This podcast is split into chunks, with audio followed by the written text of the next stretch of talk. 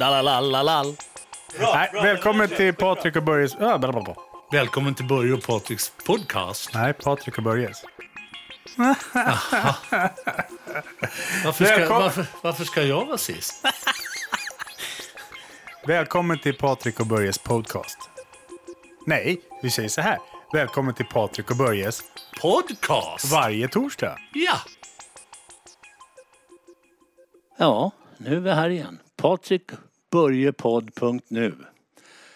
Vi är ju då mer kända som poddarnas verkliga tungviktare. Börje Hellström heter jag och eh, du heter? Patrik Pelosio. Ja, där ser man. Och sen har vi Mr Magic också som är våran producent och studiotekniker. Martin, are you there? Yeah, um, Ja. I'm here. Hi, Nu, hi. hör, nu hörde ni honom i bakgrunden. Han heter Luther Martin Kinto.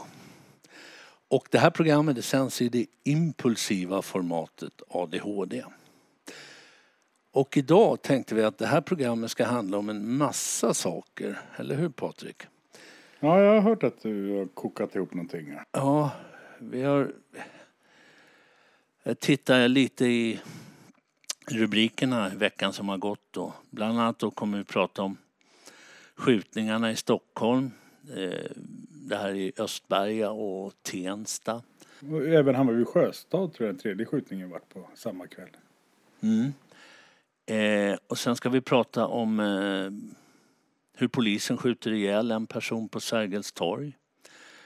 Vi ska prata om eh, ett öppet brev som undertecknad har skrivit till Kriminalvårdens generaldirektör. Börje blev kränkt. Ja, precis. För, från, eh, det handlar om eh, hur man hanterar då besökare på Kumla kriminalvårdsanstalt. Kumla KVA.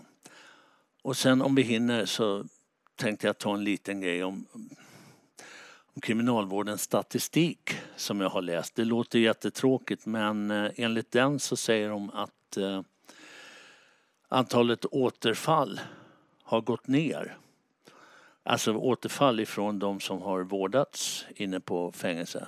Så de återfallen efter frigivning har minskat de. Men eh, Det är väl bra. ja, vi får väl se efteråt. Vi får väl se vad experten Det Börje anser om den. Det är vad vi har idag på menyn.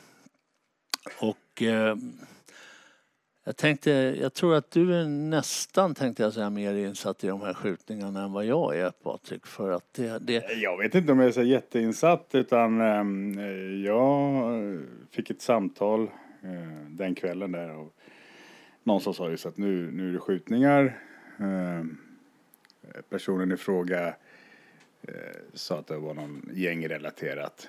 Eh, mer än så. Sen så började jag titta på nyheterna och, och såg att det dök upp ena skjutningen efter den andra. Eh, Men vad jag förstår på den lilla informationen jag har så är det ganska unga eh, killar. Och även en tjej som blev skjuten också, om det var flickvännen till någon där. Och bara i 20-årsåldern. Så att eh, någonting är på gång. För att det, det, det, jag jag fick alltså beskedet, då var inte jag ens i Stockholm utan jag var uppe i, i Värmland. Och min vän då berättade, hon läste hon läste på nyheterna på morgonen där och då stod det bland annat om skjutning i Östberga och det jag reagerade kraftigast på det var att de hade använt automatvapen. För att det talar om någonting för mig som jag egentligen inte vill vill veta. Men, men det är just det här att då har det ju... Om man dessutom, om man använder automatvapen och dessutom tycker sig ha råd att slänga dem efteråt.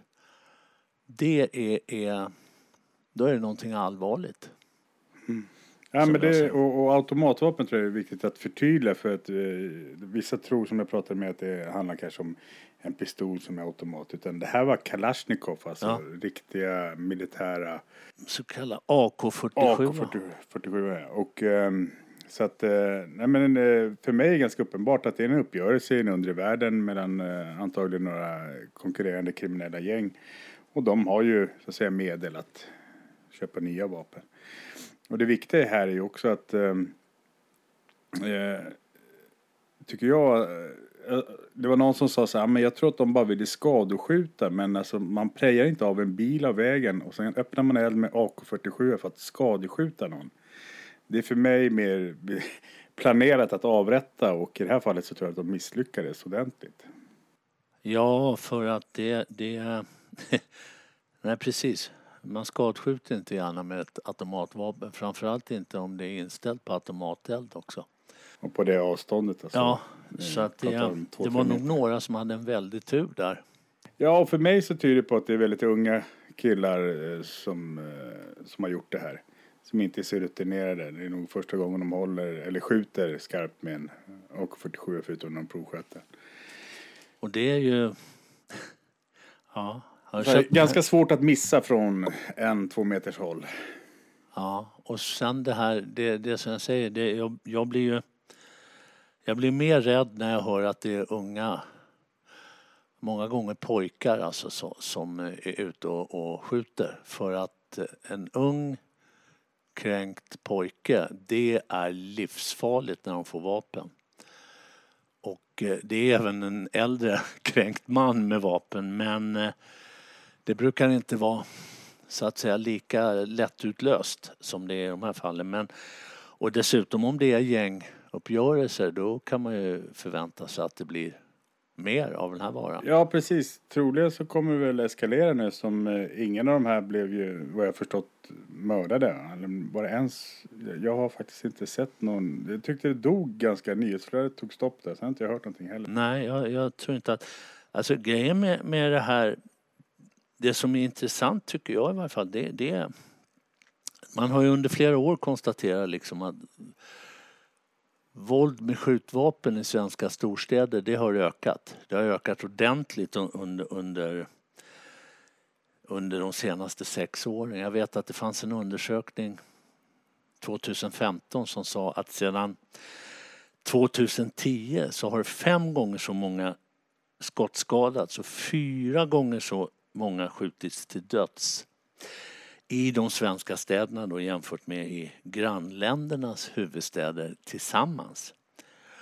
Och då blir jag, då blir jag lite frågande. Okej, vad handlar det om då? Är det så att polisen faktiskt inte kan jobba på ett bra sätt mot de här gängen? Mot de som gör det? Kan det vara så? Och det, det blir intressant för att om man då går och tittar på hur man jobbar i Köpenhamn, hur man jobbar i Oslo. Då jobbar man på ett helt annat sätt än svensk polis gör idag mot ungdomsgäng. Och, och man kan säga att båda, båda de här ländernas poliser, alltså Danmark och Norges poliser, har en nolltolerans mot, mot eh, sånt våld som begås då när man skjuter. Och de har ju lyckats Vad har vi då? Ja, Fem- ja. fem procents tolerans eller? Nej, men man säger säkert att man har nolltolerans men ändå så förekommer det och det ökar. Det innebär ju som jag ser det i varje fall att det är väldigt svårt att med de metoder svensk polis har idag arbeta mot det här. Man måste ha andra metoder och, och vad ska jag säga, det, det handlar ju mer om, om eh, Jag, jag har nolltolerans till din, din kritik mot svenska polisen. Jag tycker de gör så gott de kan med de medel de har. Sen så har de ju en polischef chef som vill att man ska lösa brott med ett armband. Så att, eh, klaga inte på svenska polisen. Jag Fast jag, jag säger ingenting om svenska poliser. Utan det, är- det är ju de som planerar för... Det, problemen brukar sitta högst upp i, i ledningen i, i polisen. Det, Det- Alltså, om man tittar, jag blir så förundrad över det här med att man sätter människor i den här politiska, för mig, gänget som hänger där. Det spelar ingen roll om det är Sverigedemokrater eller Moderater eller sossar eller vad det nu är. De tar alltid sina polare och sätter dem på positioner. Va? Du har en, en polischef nu som är för detta chef över Försäkringskassan. Men alltså vad fan har det? Vad, vad, vad, vad har han för verklighetsuppfattning om verkligheten på gatan? Är det inte bättre att ta en polis eh, som vill eh, klättra i stegen eller någon för detta kriminell som har vänt bana för många år sedan och jobbat brottsförebyggande och sätta på den positionen? Varför ska man ha en som har suttit på Försäkringskassan? Är det någonting som har varit totalt misslyckande så är det väl Försäkringskassan i, i alla år. Ska han komma nu och för, förstöra polisen också? Ja, jag blir lite förundrad över hur man kan tillsätta sådana människor på sådana poster. det, kan jag också bli. Eh, om, jag, om jag ska återkomma. Jag hade kritik, det var ett antal år sedan, hur man jobbade då mot det här med, med när det gäng, gäller gängrelaterad, gängrelaterat våld och överhuvudtaget skjutningar och allting. Och det var att jag sa att det blir ju fel när polisen jobbar mot hela gänget så att säga och inte går in och tittar på individer för det är ju då man börjar kunna det är väldigt svårt att få fram bevis för, mot ett helt gäng så att säga och, och, men det är när man börjar jobba på individnivå med helt andra metoder som man kan få lite lite vad heter det, resultat. Men, men om man tittar då som i, i Oslo till exempel, där jobbar man mycket, mycket mer med, med, med kommunikation. Där man så fort det händer någonting, då är man ute och pratar med dem som man vet eller som man antar på något sätt känner till vad som har hänt eller har varit, kan ha varit involverade men som de då inte kan bevisa. Och då är de framme och, och vad de gör är ju helt enkelt att de stöter mot, mot de gör det obekvämt för folk att springa ut och panga igen. Men jag, jag tycker också att man gjorde ju den här, vad kallas det, Nova-gruppen va, för eh, ja. några år sedan. Där man så att säga verkligen punktmarkerar de, eh, de absolut tyngst kriminella i Sverige. Och för mig är det så här, det är så här, det är ingen bra lösning. För att vad som händer då är ju att personen, bara för att han får ännu mer polis efter sig, ännu mer skattemyndigheten efter sig, ännu mer säga, mm. ögon på sig, gör ju inte att han kommer sluta vara kriminell och bli kärleksfull medborgare. Utan vad han gör direkt, som jag själv har varit i den situationen, är att börja tänka, okej, okay, hur kan jag fortsätta min verksamhet? Jo, men då tar man ju till unga pojkar och introducerar dem i, i kriminaliteten så får de ju skitjobbet. Så de som torskar då är de yngre. Han kommer inte torska för han vet att han har ögonen på sig. Jag tror det hade varit bättre att låta han vara en kriminell som åker runt och skjuter och slåss. Till slut åker han in snabbare än vad han kommer ju nu. För nu, de här ledarna, de är untouchable enligt mig. Det kommer, speciellt eftersom vi inte har uppviglings eh, som poliser får göra och det i Sverige. Så att, förstår du vad jag menar? Ja. Det gör att, eh, för de, de vaknar inte upp en dag och bara säger oj, nu har jag skattemyndigheterna på mig och polisen på mig på, jag är i den här Nova-gruppen. Så nu tänker jag bli hedlig. Det funkar inte riktigt så. Utan man måste få någonting annat istället och jobba på ett helt annat sätt brottsförebyggande och också motivera till att vi kan hjälpa dig utifrån den här världen och vi kommer erbjuda så att säga andra alternativ för dig. Än mm. att eh, sätta punktmarkering på honom för att eh, som sagt, han kommer inte ändra sig på grund av det. Nej, men mer så, som de gjorde, som jag sa i Oslo, fast jag kanske inte använder men det sysslar med, det är egentligen konflikthantering och, och, dialog med. Det tror jag också på, definitivt. Så, så eh, för att det ser man ju mer och mer. Jag har ju varit ute mycket i förorterna och även i andra väletablerade orter i Sverige och där just de stora kriminella nätverken har väldigt unga killar som mm. gör allt grovjobb. Förut hade, om man tog till exempel MC-gängen hade ju några eh, prospect och sådana saker. Va? Men även de här som inte håller på med MC-gäng har ju nu så att säga prospect då i sina led. Vi skriver ju om det Anders och jag i några av böckerna hur man har till och med minderåriga under 15 år. Och det är ju ett smart grepp om man, man ska se det från, från de kriminella sida. För de riskerar inte särskilt mycket, de ungarna. Ända tills de blir 15, då riskerar de snarast. Ja, och de som vi vill åt eh, staten kommer de inte åt. För de Nej. är ju punktmarkerade, men de skickar ju massa det. Så att, det är lite det jag är orolig för nu också, om vi går tillbaka till de här skjutningarna. Va? För att det här kommer att eskalera om det är så att det är ett revelerande gäng. Då kommer de få order uppifrån att nu måste ni visa musklerna här, eller vi va. Så att eh, nu är det bara att slå tillbaks. Och det som oroar mig mycket i det är att har man tillgång till AK47 och eh, när de kulorna drar iväg mm. så är det inte bara eh, offret som kommer bli träffat va? utan det kommer bli massa oskyldiga också. Mm. Det är bara en tidsfråga.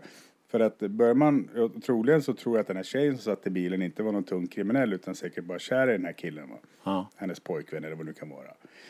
Eh, och då så att säga råkar hon också illa ut. Så att eh, de oskyldiga kommer ju drabbas speciellt när det är sådana vapen eh, som finns i Sverige.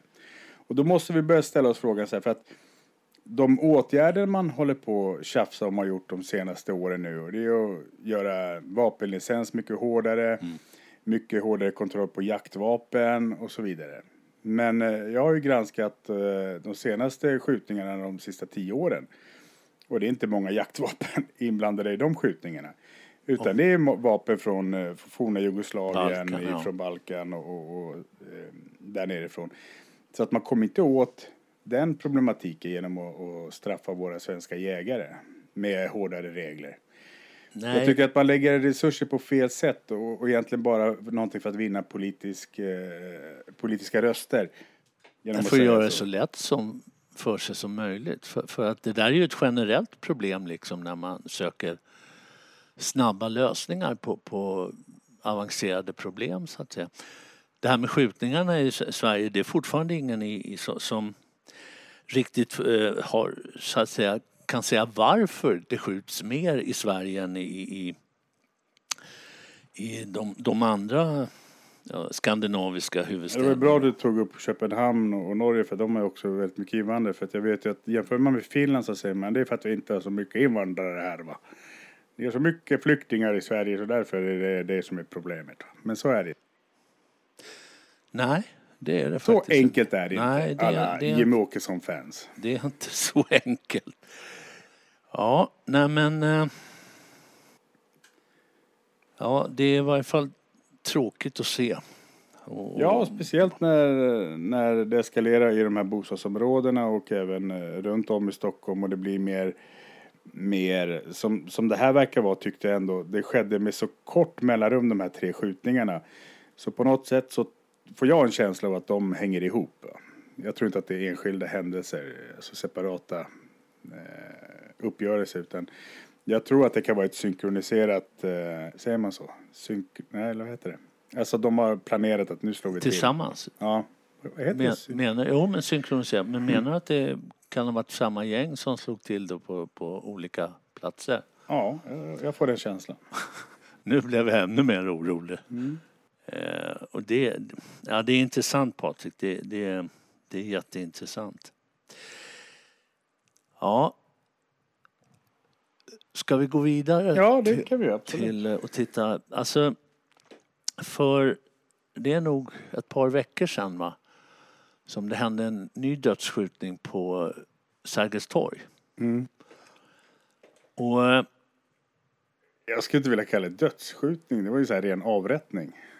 Polisen var blixtsnabb. Pang, pang, pang! Och så rätt i huvudet. Och sen var det klart. ja, Så det var ju polisen som sköt en snubbe där. ja, just det. Som dog på fläcken. Man, eh, från början, man kunde inte läsa så mycket om det från början. Det, det hölls tyst om det där ett tag. Men vad jag har förstått så här efteråt så, så det som händer där nere det är att några polismän står Men vi är, kan ju berätta om han som blev skjuten. Han blev alltså skjuten eh, två skott i bröstet, ett ett mitt i pannan. i huvudet. Och eh, Och för mig då så tänker jag så här, vänta nu, ska man inte skjuta i benet först och stoppa? Men De- här verkar det vara blixtsnabbt. Så att, ja, vad är det du hör? fast Nej men när du säger det där, det lär de inte ut längre att skjuta i ben och armar. Här, skjut i huvudet. Ja, alltså det, det är skjut för att stoppa. Och det gör man i bröst eller huvud. Då, då var det till och med han som blev skjuten i... eh, Där ute i... i eh, när polisen gjorde in... eh, Skärholmen. Nej. Eh, borta vid... Nej men han som ble- blev skjuten i... i, i eh, när det blev upplopp och allting. Det är alltså några år sedan. Polisen gjorde... Tensta, gick, ja, de gick in där och sköt honom. Men eh, de stod på ett sånt avstånd så att den här polismannen som sköt honom, sköt honom rakt i huvudet. Han stod bara en halv meter, meter ifrån honom med, med rest kniv då, och då skjuter han honom i huvudet. För så har de fått lära sig utav instruktörerna i polisen. Det var därför han blev friad sen också. Eh, det, det är lite, Men, men hur är det fortfarande? De har väl fortfarande de här helmantlade kulorna? Nej, nej, nej. De har en... en eh, de har som en jaktammunition. Gold Dot Spear kallas den för. Och den, den ut, Alltså den är så pass kraftig så att den utvecklar sig i, i kroppen så, så utvecklar den, den blir som en solfjäder sj- själva kulan. Så att det är ingen risk att den går igenom och träffar människor bakom. Jag tänkte på Sergels torg, det är ganska mycket folk där man skjuter någon i huvudet. Så vad tar kulan vägen? Ja, nej, nej, den, den slår, slår sönder något ben eller något i huvudet och, och nej. Den, den biten är, men eh, däremot så det finns ju ett annat tillfälle där det bara var ren tur att polisens de här dödliga kulorna då inte träffade någon oskyldig. Och det var ju när de sköt var det 14 skott rakt in på ett gym på, på eh, Birger Jarlsgatan. Han missade polismannen för han blev så till sig så att han sköt mot den som visade sig jag tror till och med han var, han var inte obeväpnad men han hade en funktions funktionsoduglig Men jag, jag, puffra. men jag, jag vet att vi har haft den här diskussionen. Du är ju emot den ammunitionen polisen har idag. Ja. Men jag tycker att det är nästan bra att de har den. För den stannar ju i förövaren till större delen om det vore helmantlat. ja, förhoppningsvis gör den. Nej men alltså, jag har ingenting emot att poliser får, alltså, har rätt att skjuta. Det har jag ingenting emot. Vad jag är emot det är att de har en ammunition som garanterat dödar om den inte träffar i ben eller arm. Och nu är det väldigt, väldigt ovanligt att de skjuter mot ben och arm. Alltså, som jag ser det, så, så eh, lär man poliser att döda med den ammunitionen. Man skjuter för att döda. Ja, för jag menar att en träff med en sån, jag är ju jägare själv då liksom så att det, det jag har ju sett hur sån här ammunition fungerar. Och ett sånt skott, för 9 millimeter är det då som de har den här Gold Dot Spear. Ett sånt skott i magen, i buken och du dör. Det är bara så liksom. Ja, det är Förut som en solfjäder och sliter sönder allting. men, men ett bukskott förut med, med 9 mm helmantlad ammunition, det gick bara rakt igenom. Och det var ju det de ville ha, det var ju det de var så rädda för, för att, att ja, polisen då, eller polisens talesmän. Det var det de var så rädda för, för att de skulle få genomslag då, för att den skulle gå rakt igenom och träffa någon annan oskyldig. Ja, Och- samtidigt, du säger eh, skjut för att stoppa. Ja, ja. Och eh, är det så att polisen drar upp ett skjutvapen så är nog den förövaren då, anser man väl, så pass eh, skyldig. Annars. Förhoppningsvis. Men, men, Ja, men, men problemet är egentligen, som jag ser det, att den här, den här ammunitionen som de har, Gold Dot Spear, den är ju alltså förbjuden att användas i krig. Du får inte använda den för att skjuta på människor i krig. Enligt Genèvekonventionen då. Men svensk polis får använda den för att skjuta på människor, djur och, och andra ting. Då liksom. Och ja, det måste finnas en, en, en, en annan lösning. Jag är fortfarande inne på det här med, det är klart de ska ha alltså med, med ja, riktiga vapen, det, det säger jag ingenting om, men utrusta dem också med, med elpistoler, det, det pepparspray, wha- whatever. Ja, vad ska vi ha allt det då i våra bälten, säger polisen. Liksom. Pepparspray har de väl? Ja, det är ju inte mitt problem brukar jag säga då, men, men Ah, tillbaks till skjutningen där i Sergelstorg. Vad var det som hände då? Du sa att det var poliser kom Jo. med på plättan. Och Eh, de, de stod där nere och rätt vad det är, från ingenstans så kommer det en kniv farande mot en av poliserna som passerar honom precis vid huvudet. alltså kastade en kniv. Ja, han kastar en kniv. Och eh, sen vad jag har förstått så, så eh, de vet inte var den kommer ifrån. Sen kommer det bara fram en man som är på väg och med draget vapen, alltså dragen kniv och ska hugga den här polismannen. Och eh, det ser hans kollega så han drar pistolen och skjuter. Tre snabba skott då. Pam, pam. Och, det här är från ett väldigt, det är ett ganska kort avstånd. Pang, pang, pang. Och eh, för en gång skull, jag är fortfarande bara, jag är mest förbannad över ammunitionen för den dödar. Men, eh, Jag tycker det var bra att den stannade i förövaren. nej men det, det tycker jag med. Men det är liksom, Jag ser, vi får ta det här som en hel egen podd det där med ammunitionen. För jag ser börja gå igång här så nu måste jag hålla han lugn. Annars tappar han fokus. Nej, men det, det jag, jag, nej, jag går inte igång. Jag diskuterar så mycket. Men, men som jag ser det liksom så är det, det är inte en ammunition som du ska använda mot människor. I sådana fall, ge poliserna grövre kaliber på, på pistolerna. Så får de göra lite mer skada då liksom. Än, de måste ju få skjuta. Det, det, det anser jag. Men, men eh, det måste gå också att lösa allt det här. För det, är en skitammunition allvarligt talat. Jag ska göra någon grej sen tror jag på, på eh, jag ska filma där, där jag ska visa hur det här funkar. Det får man göra på en död gris eller någonting liksom. För att visa folk hur, hur det verkligen funkar, hur stora hål det blir utav en sån här ammunition i människokroppen. I, i, ja, men eh, Då nej. kan man också se om det penetrerar eh, den här helmanteln, hur långt den går igenom, om det kanske inte gör det heller. Får man se. ja, den går rakt igenom om du inte träffar ett ben. Det Ja, men då är det bättre att skjuta i huvudet då, för då träffar du ett ben. Garanterat. Vi lär polisen att skjuta i huvudet istället om de får ny ammunition. Det, det är lösningen. Ja, alltså det, det... Jag blev lite, lite orolig när jag, när jag insåg att det var, var så de resonerade. Att man, man, nu skjuter man mot huvudet när man står så nära.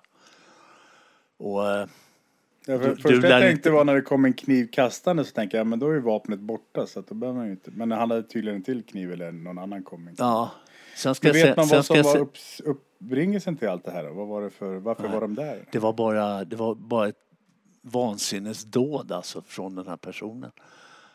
Sen vet jag ju också att generellt de här poliserna som tvingas skjuta och som dödar någon, de mår inget bra efteråt. De brukar, många brukar säga det att men jag ville ju inte döda honom, det var inte därför. Sen kan man ju fundera över, jag menar, pang, pang, pang, två i bröstet, ett i huvudet. Det är ju som taget ur, ur, ur, ur hand, handbok, handboken.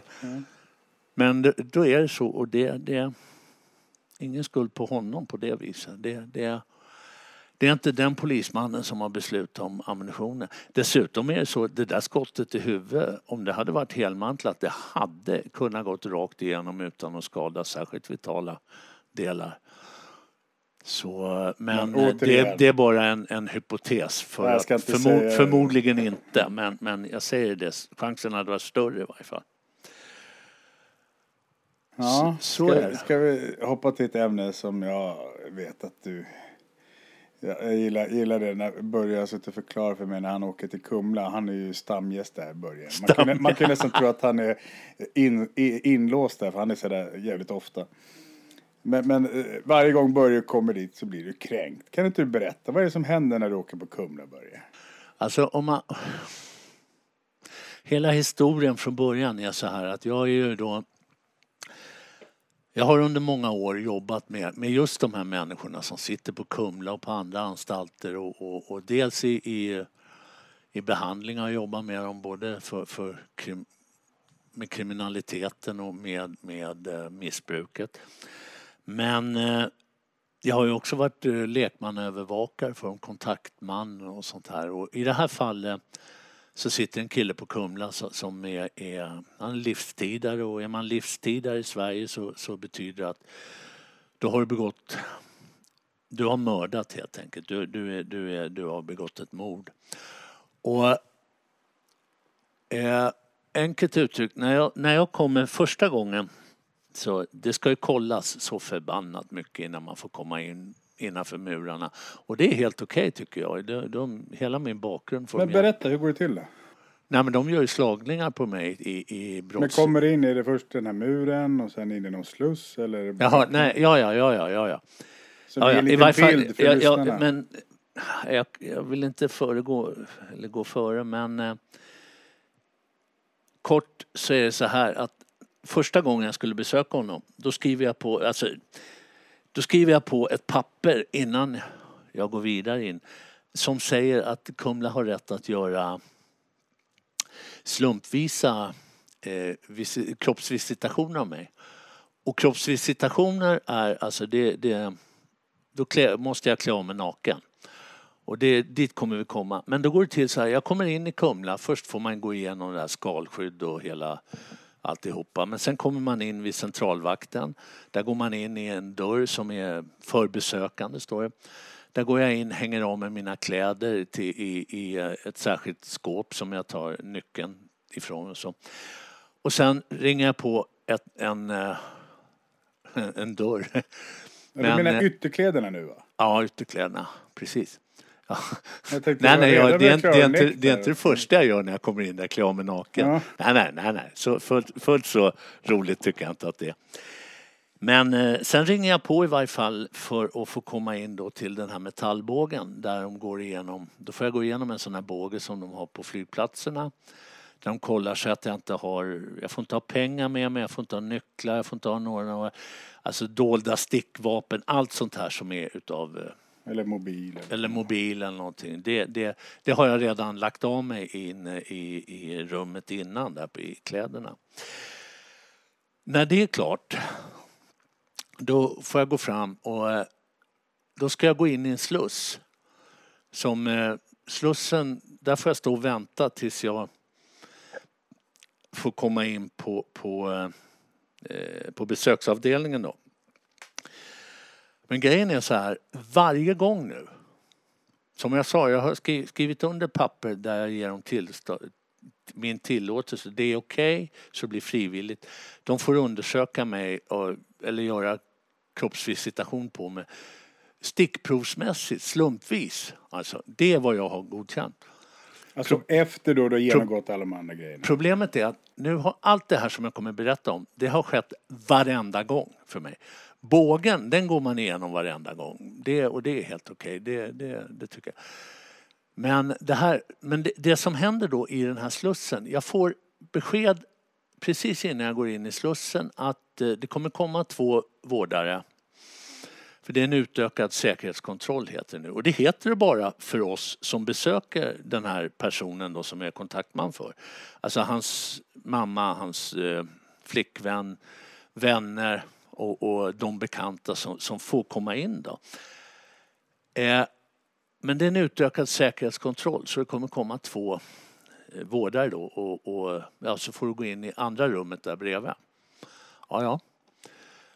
Och eh, när jag kommer in i det rummet då, får jag, då blir jag tillsagd att ta med alla kläder. Och det gör jag, så jag är helt naken. Bara det, det är ingen vacker syn Patrik. Men alltså, jag ska inte gå in så mycket på det finns en anledning, det finns en stor anledning till att jag faktiskt känner mig jävligt kränkt. Men eh, vad de gör, det är att när jag står där naken och vacker så ber de mig att hålla upp armarna så att de kan titta under i armhålorna. De får alltså inte röra mig överhuvudtaget i det här läget. Det, det, för då är det någonting annat. Då är det inte en, en sån kroppsvisitation utan då är det någonting annat och då, då får de gå in med fingrar både här och där liksom. Men det får de inte göra. De får inte känna i, i gommen eller någonting utan de får bara titta. Så de ber mig att hålla upp armarna, tittar de under armarna. Sen ber de mig att visa handflatorna så och så handryggarna så. Nu sitter jag och visar Patrik här, ni, ni andra som lyssnar, men, men det är så det går till. Sen, det sista de gör, när de konstaterar att det här finns ingenting, det är att eh, då får jag ställa mig på tå kan man säga. Jag får visa eh, under fötterna, eh, underdelen av, av fötterna för att jag inte ska ha någonting tejpat där eller så. Sen går de igenom alla mina kläder. Alltså allt från, från, från eh, t-shirt till, till, till Underkläder. bruna kalsonger tänkte jag säga. Men, men, och det är vad de gör. Sen är det här klart. Då får jag klä på mig och sen får jag komma in då eftersom de har hittills inte hittat något på mig eller någon annan som går in. Och det jag blir kränkt över det är det här att man, man behandlar en som man behöver inte göra så här. Det finns helt andra metoder. Som, det är just det här med att man kräver att, man ska, att vi ska klä av oss nakna. Jag känner, för, för mig känns det som en så tydlig Och framförallt när det sker i så kontinuerligt, varje gång. Trots att det står att det ska vara slumpmässigt och stickprovs, stickprov. Det. Och det är det som jag stör mig på, för att det finns andra metoder. Men vad är det då man egentligen är ute efter? För att Ja. Du har ju gått igenom metalldetektor Ja. så du kan inte ha någon vapen, du kan inte ha någon uh, sak. Är det knark man letar då efter? Eller, Ja, det bör ju vara det. eller någon papperslapp eller Ja, någonting? det bör ju vara... Ja, precis.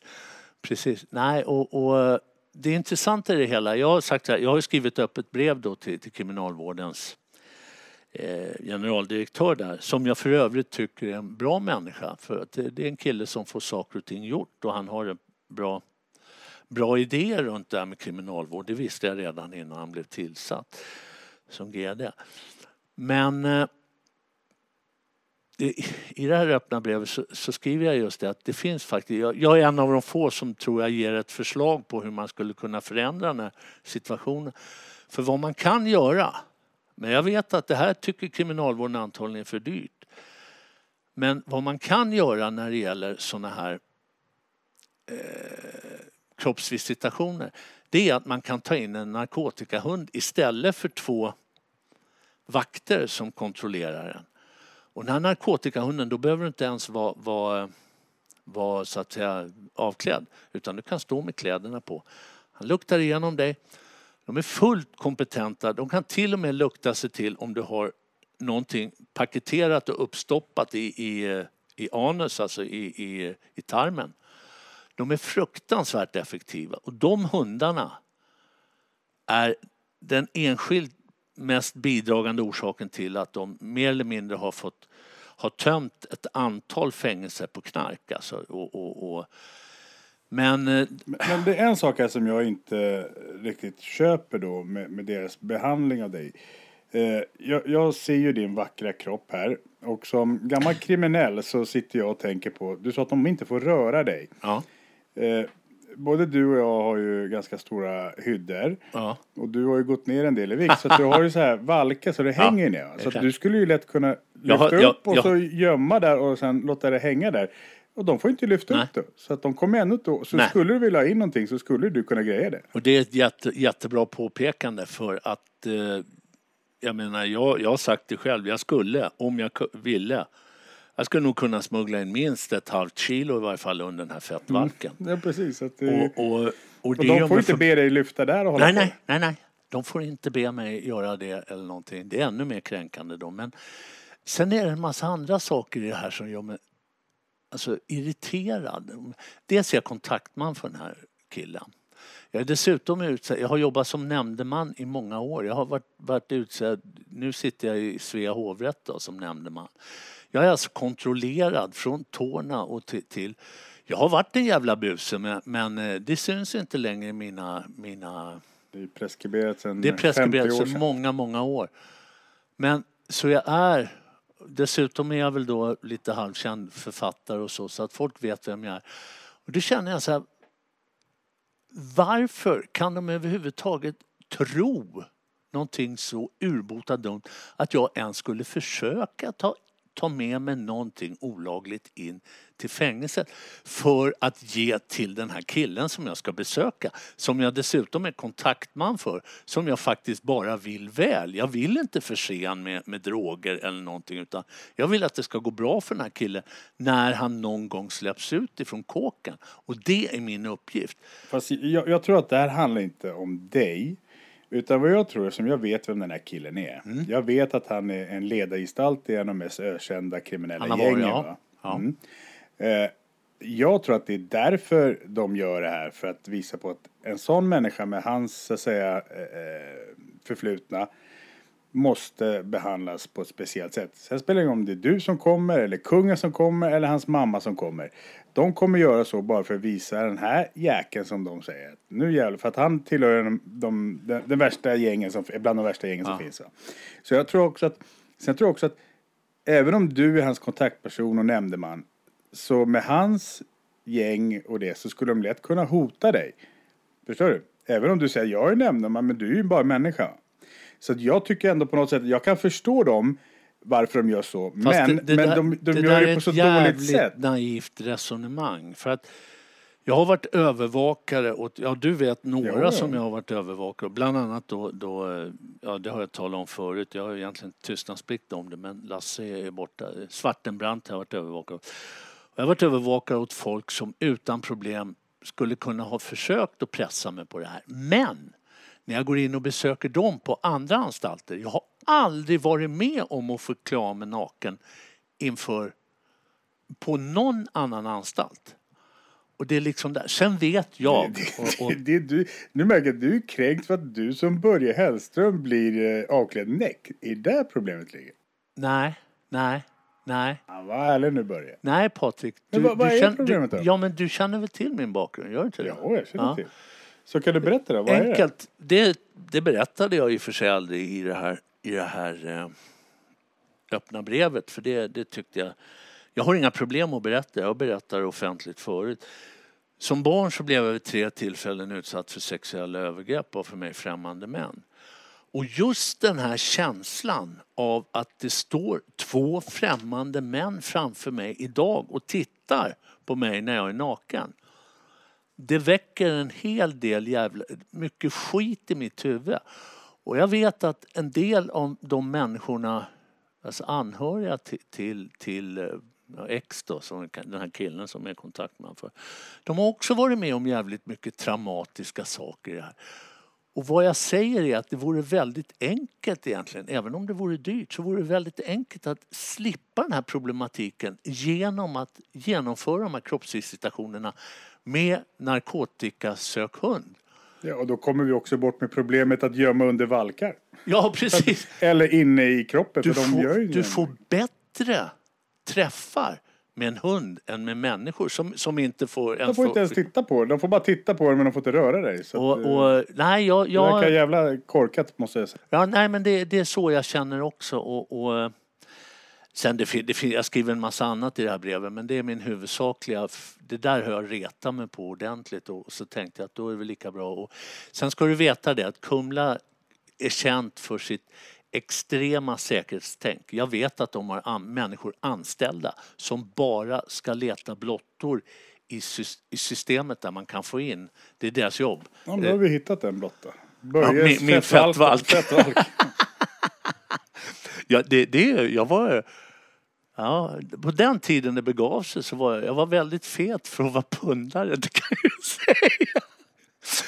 Ja, Eh, nej men... vi glömde också i begynnelsen säga att vi tar ju sommarlov här nu i fyra veckor. Det är ju, nu är juli och Börje ska på semester och medan jag får jobba och slita. eh, så att... Eh, Oj. Och Martin ska ligga på beachen och... Nej, det är bara jag som får jobba, så, så ni vet. Patrik Men Börje och Martin ska ta semester i, i, i fyra veckor ännu. Nej men, eh, du, du hade någonting där om KVD. Var det, går det nog snabbt där eller får vi ta det nästa gång eller? Nej men... eh, Nej, vi kan köra den för att, att vad jag har är ju... Vad jag refererar till var en, en eh, vad ska jag säga? Ja, när man läser vid första anblicken så är det en ganska glädjande rapport ifrån kriminalvården som handlar om att, att eh, återfallen i brott har, har minskat.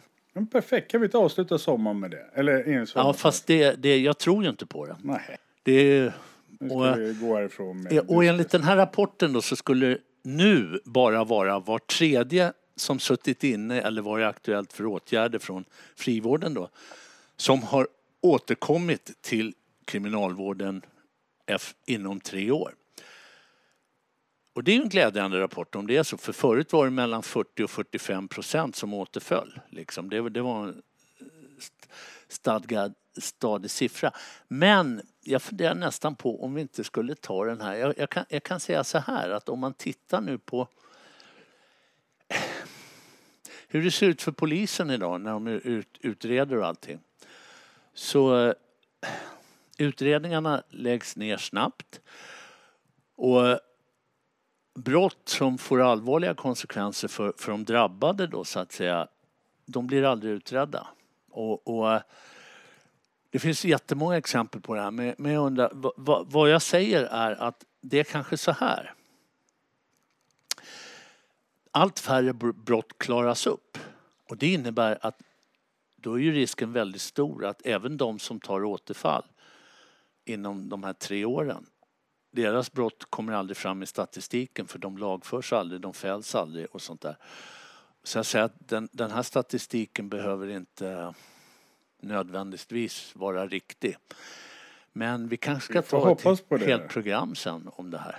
Jag tänkte bara avsluta med att säga det att eh, när Börje drar på semester och Martin så kommer jag, även om Martin och Börje är ideellt engagerade i stiftelsen Gidra inte.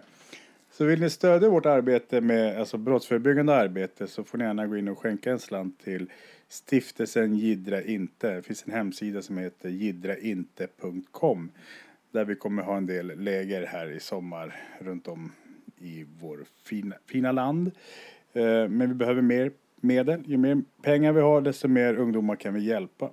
Så att eh, eh, jag drar iväg och jobbar med ungdomar här nu i hettan medan du går och lägger dig på playan. Är det, no är det någon som överhuvudtaget hör den här lilla tonen i, i Patriks... Han är lite off just nu, han lider liksom. Han ska verkligen... Han behöver jobba medan jag... Och, sanningen är ju den att jag kommer ju vara med Patrik och jobba med de här ungdomarna men eh, jag ser det ju som semester då liksom. Jag, jag gillar att jobba med Ni ska ungdomar. se bara hur vi sitter här i studion. Börje sitter med en fläkt på sig. Jag sitter här och svettas. Ni ser vem som har fördelar och, och inte i det här gänget. Det var bara för att jag nöp den där först. Nej, trevlig sommar på er allihop. Ja. Så hörs vi i augusti igen. Tack så hemskt mycket allihopa och eh, jag tror väl att... Ja, vi hörs i augusti. Peace. Peace brothers and sisters.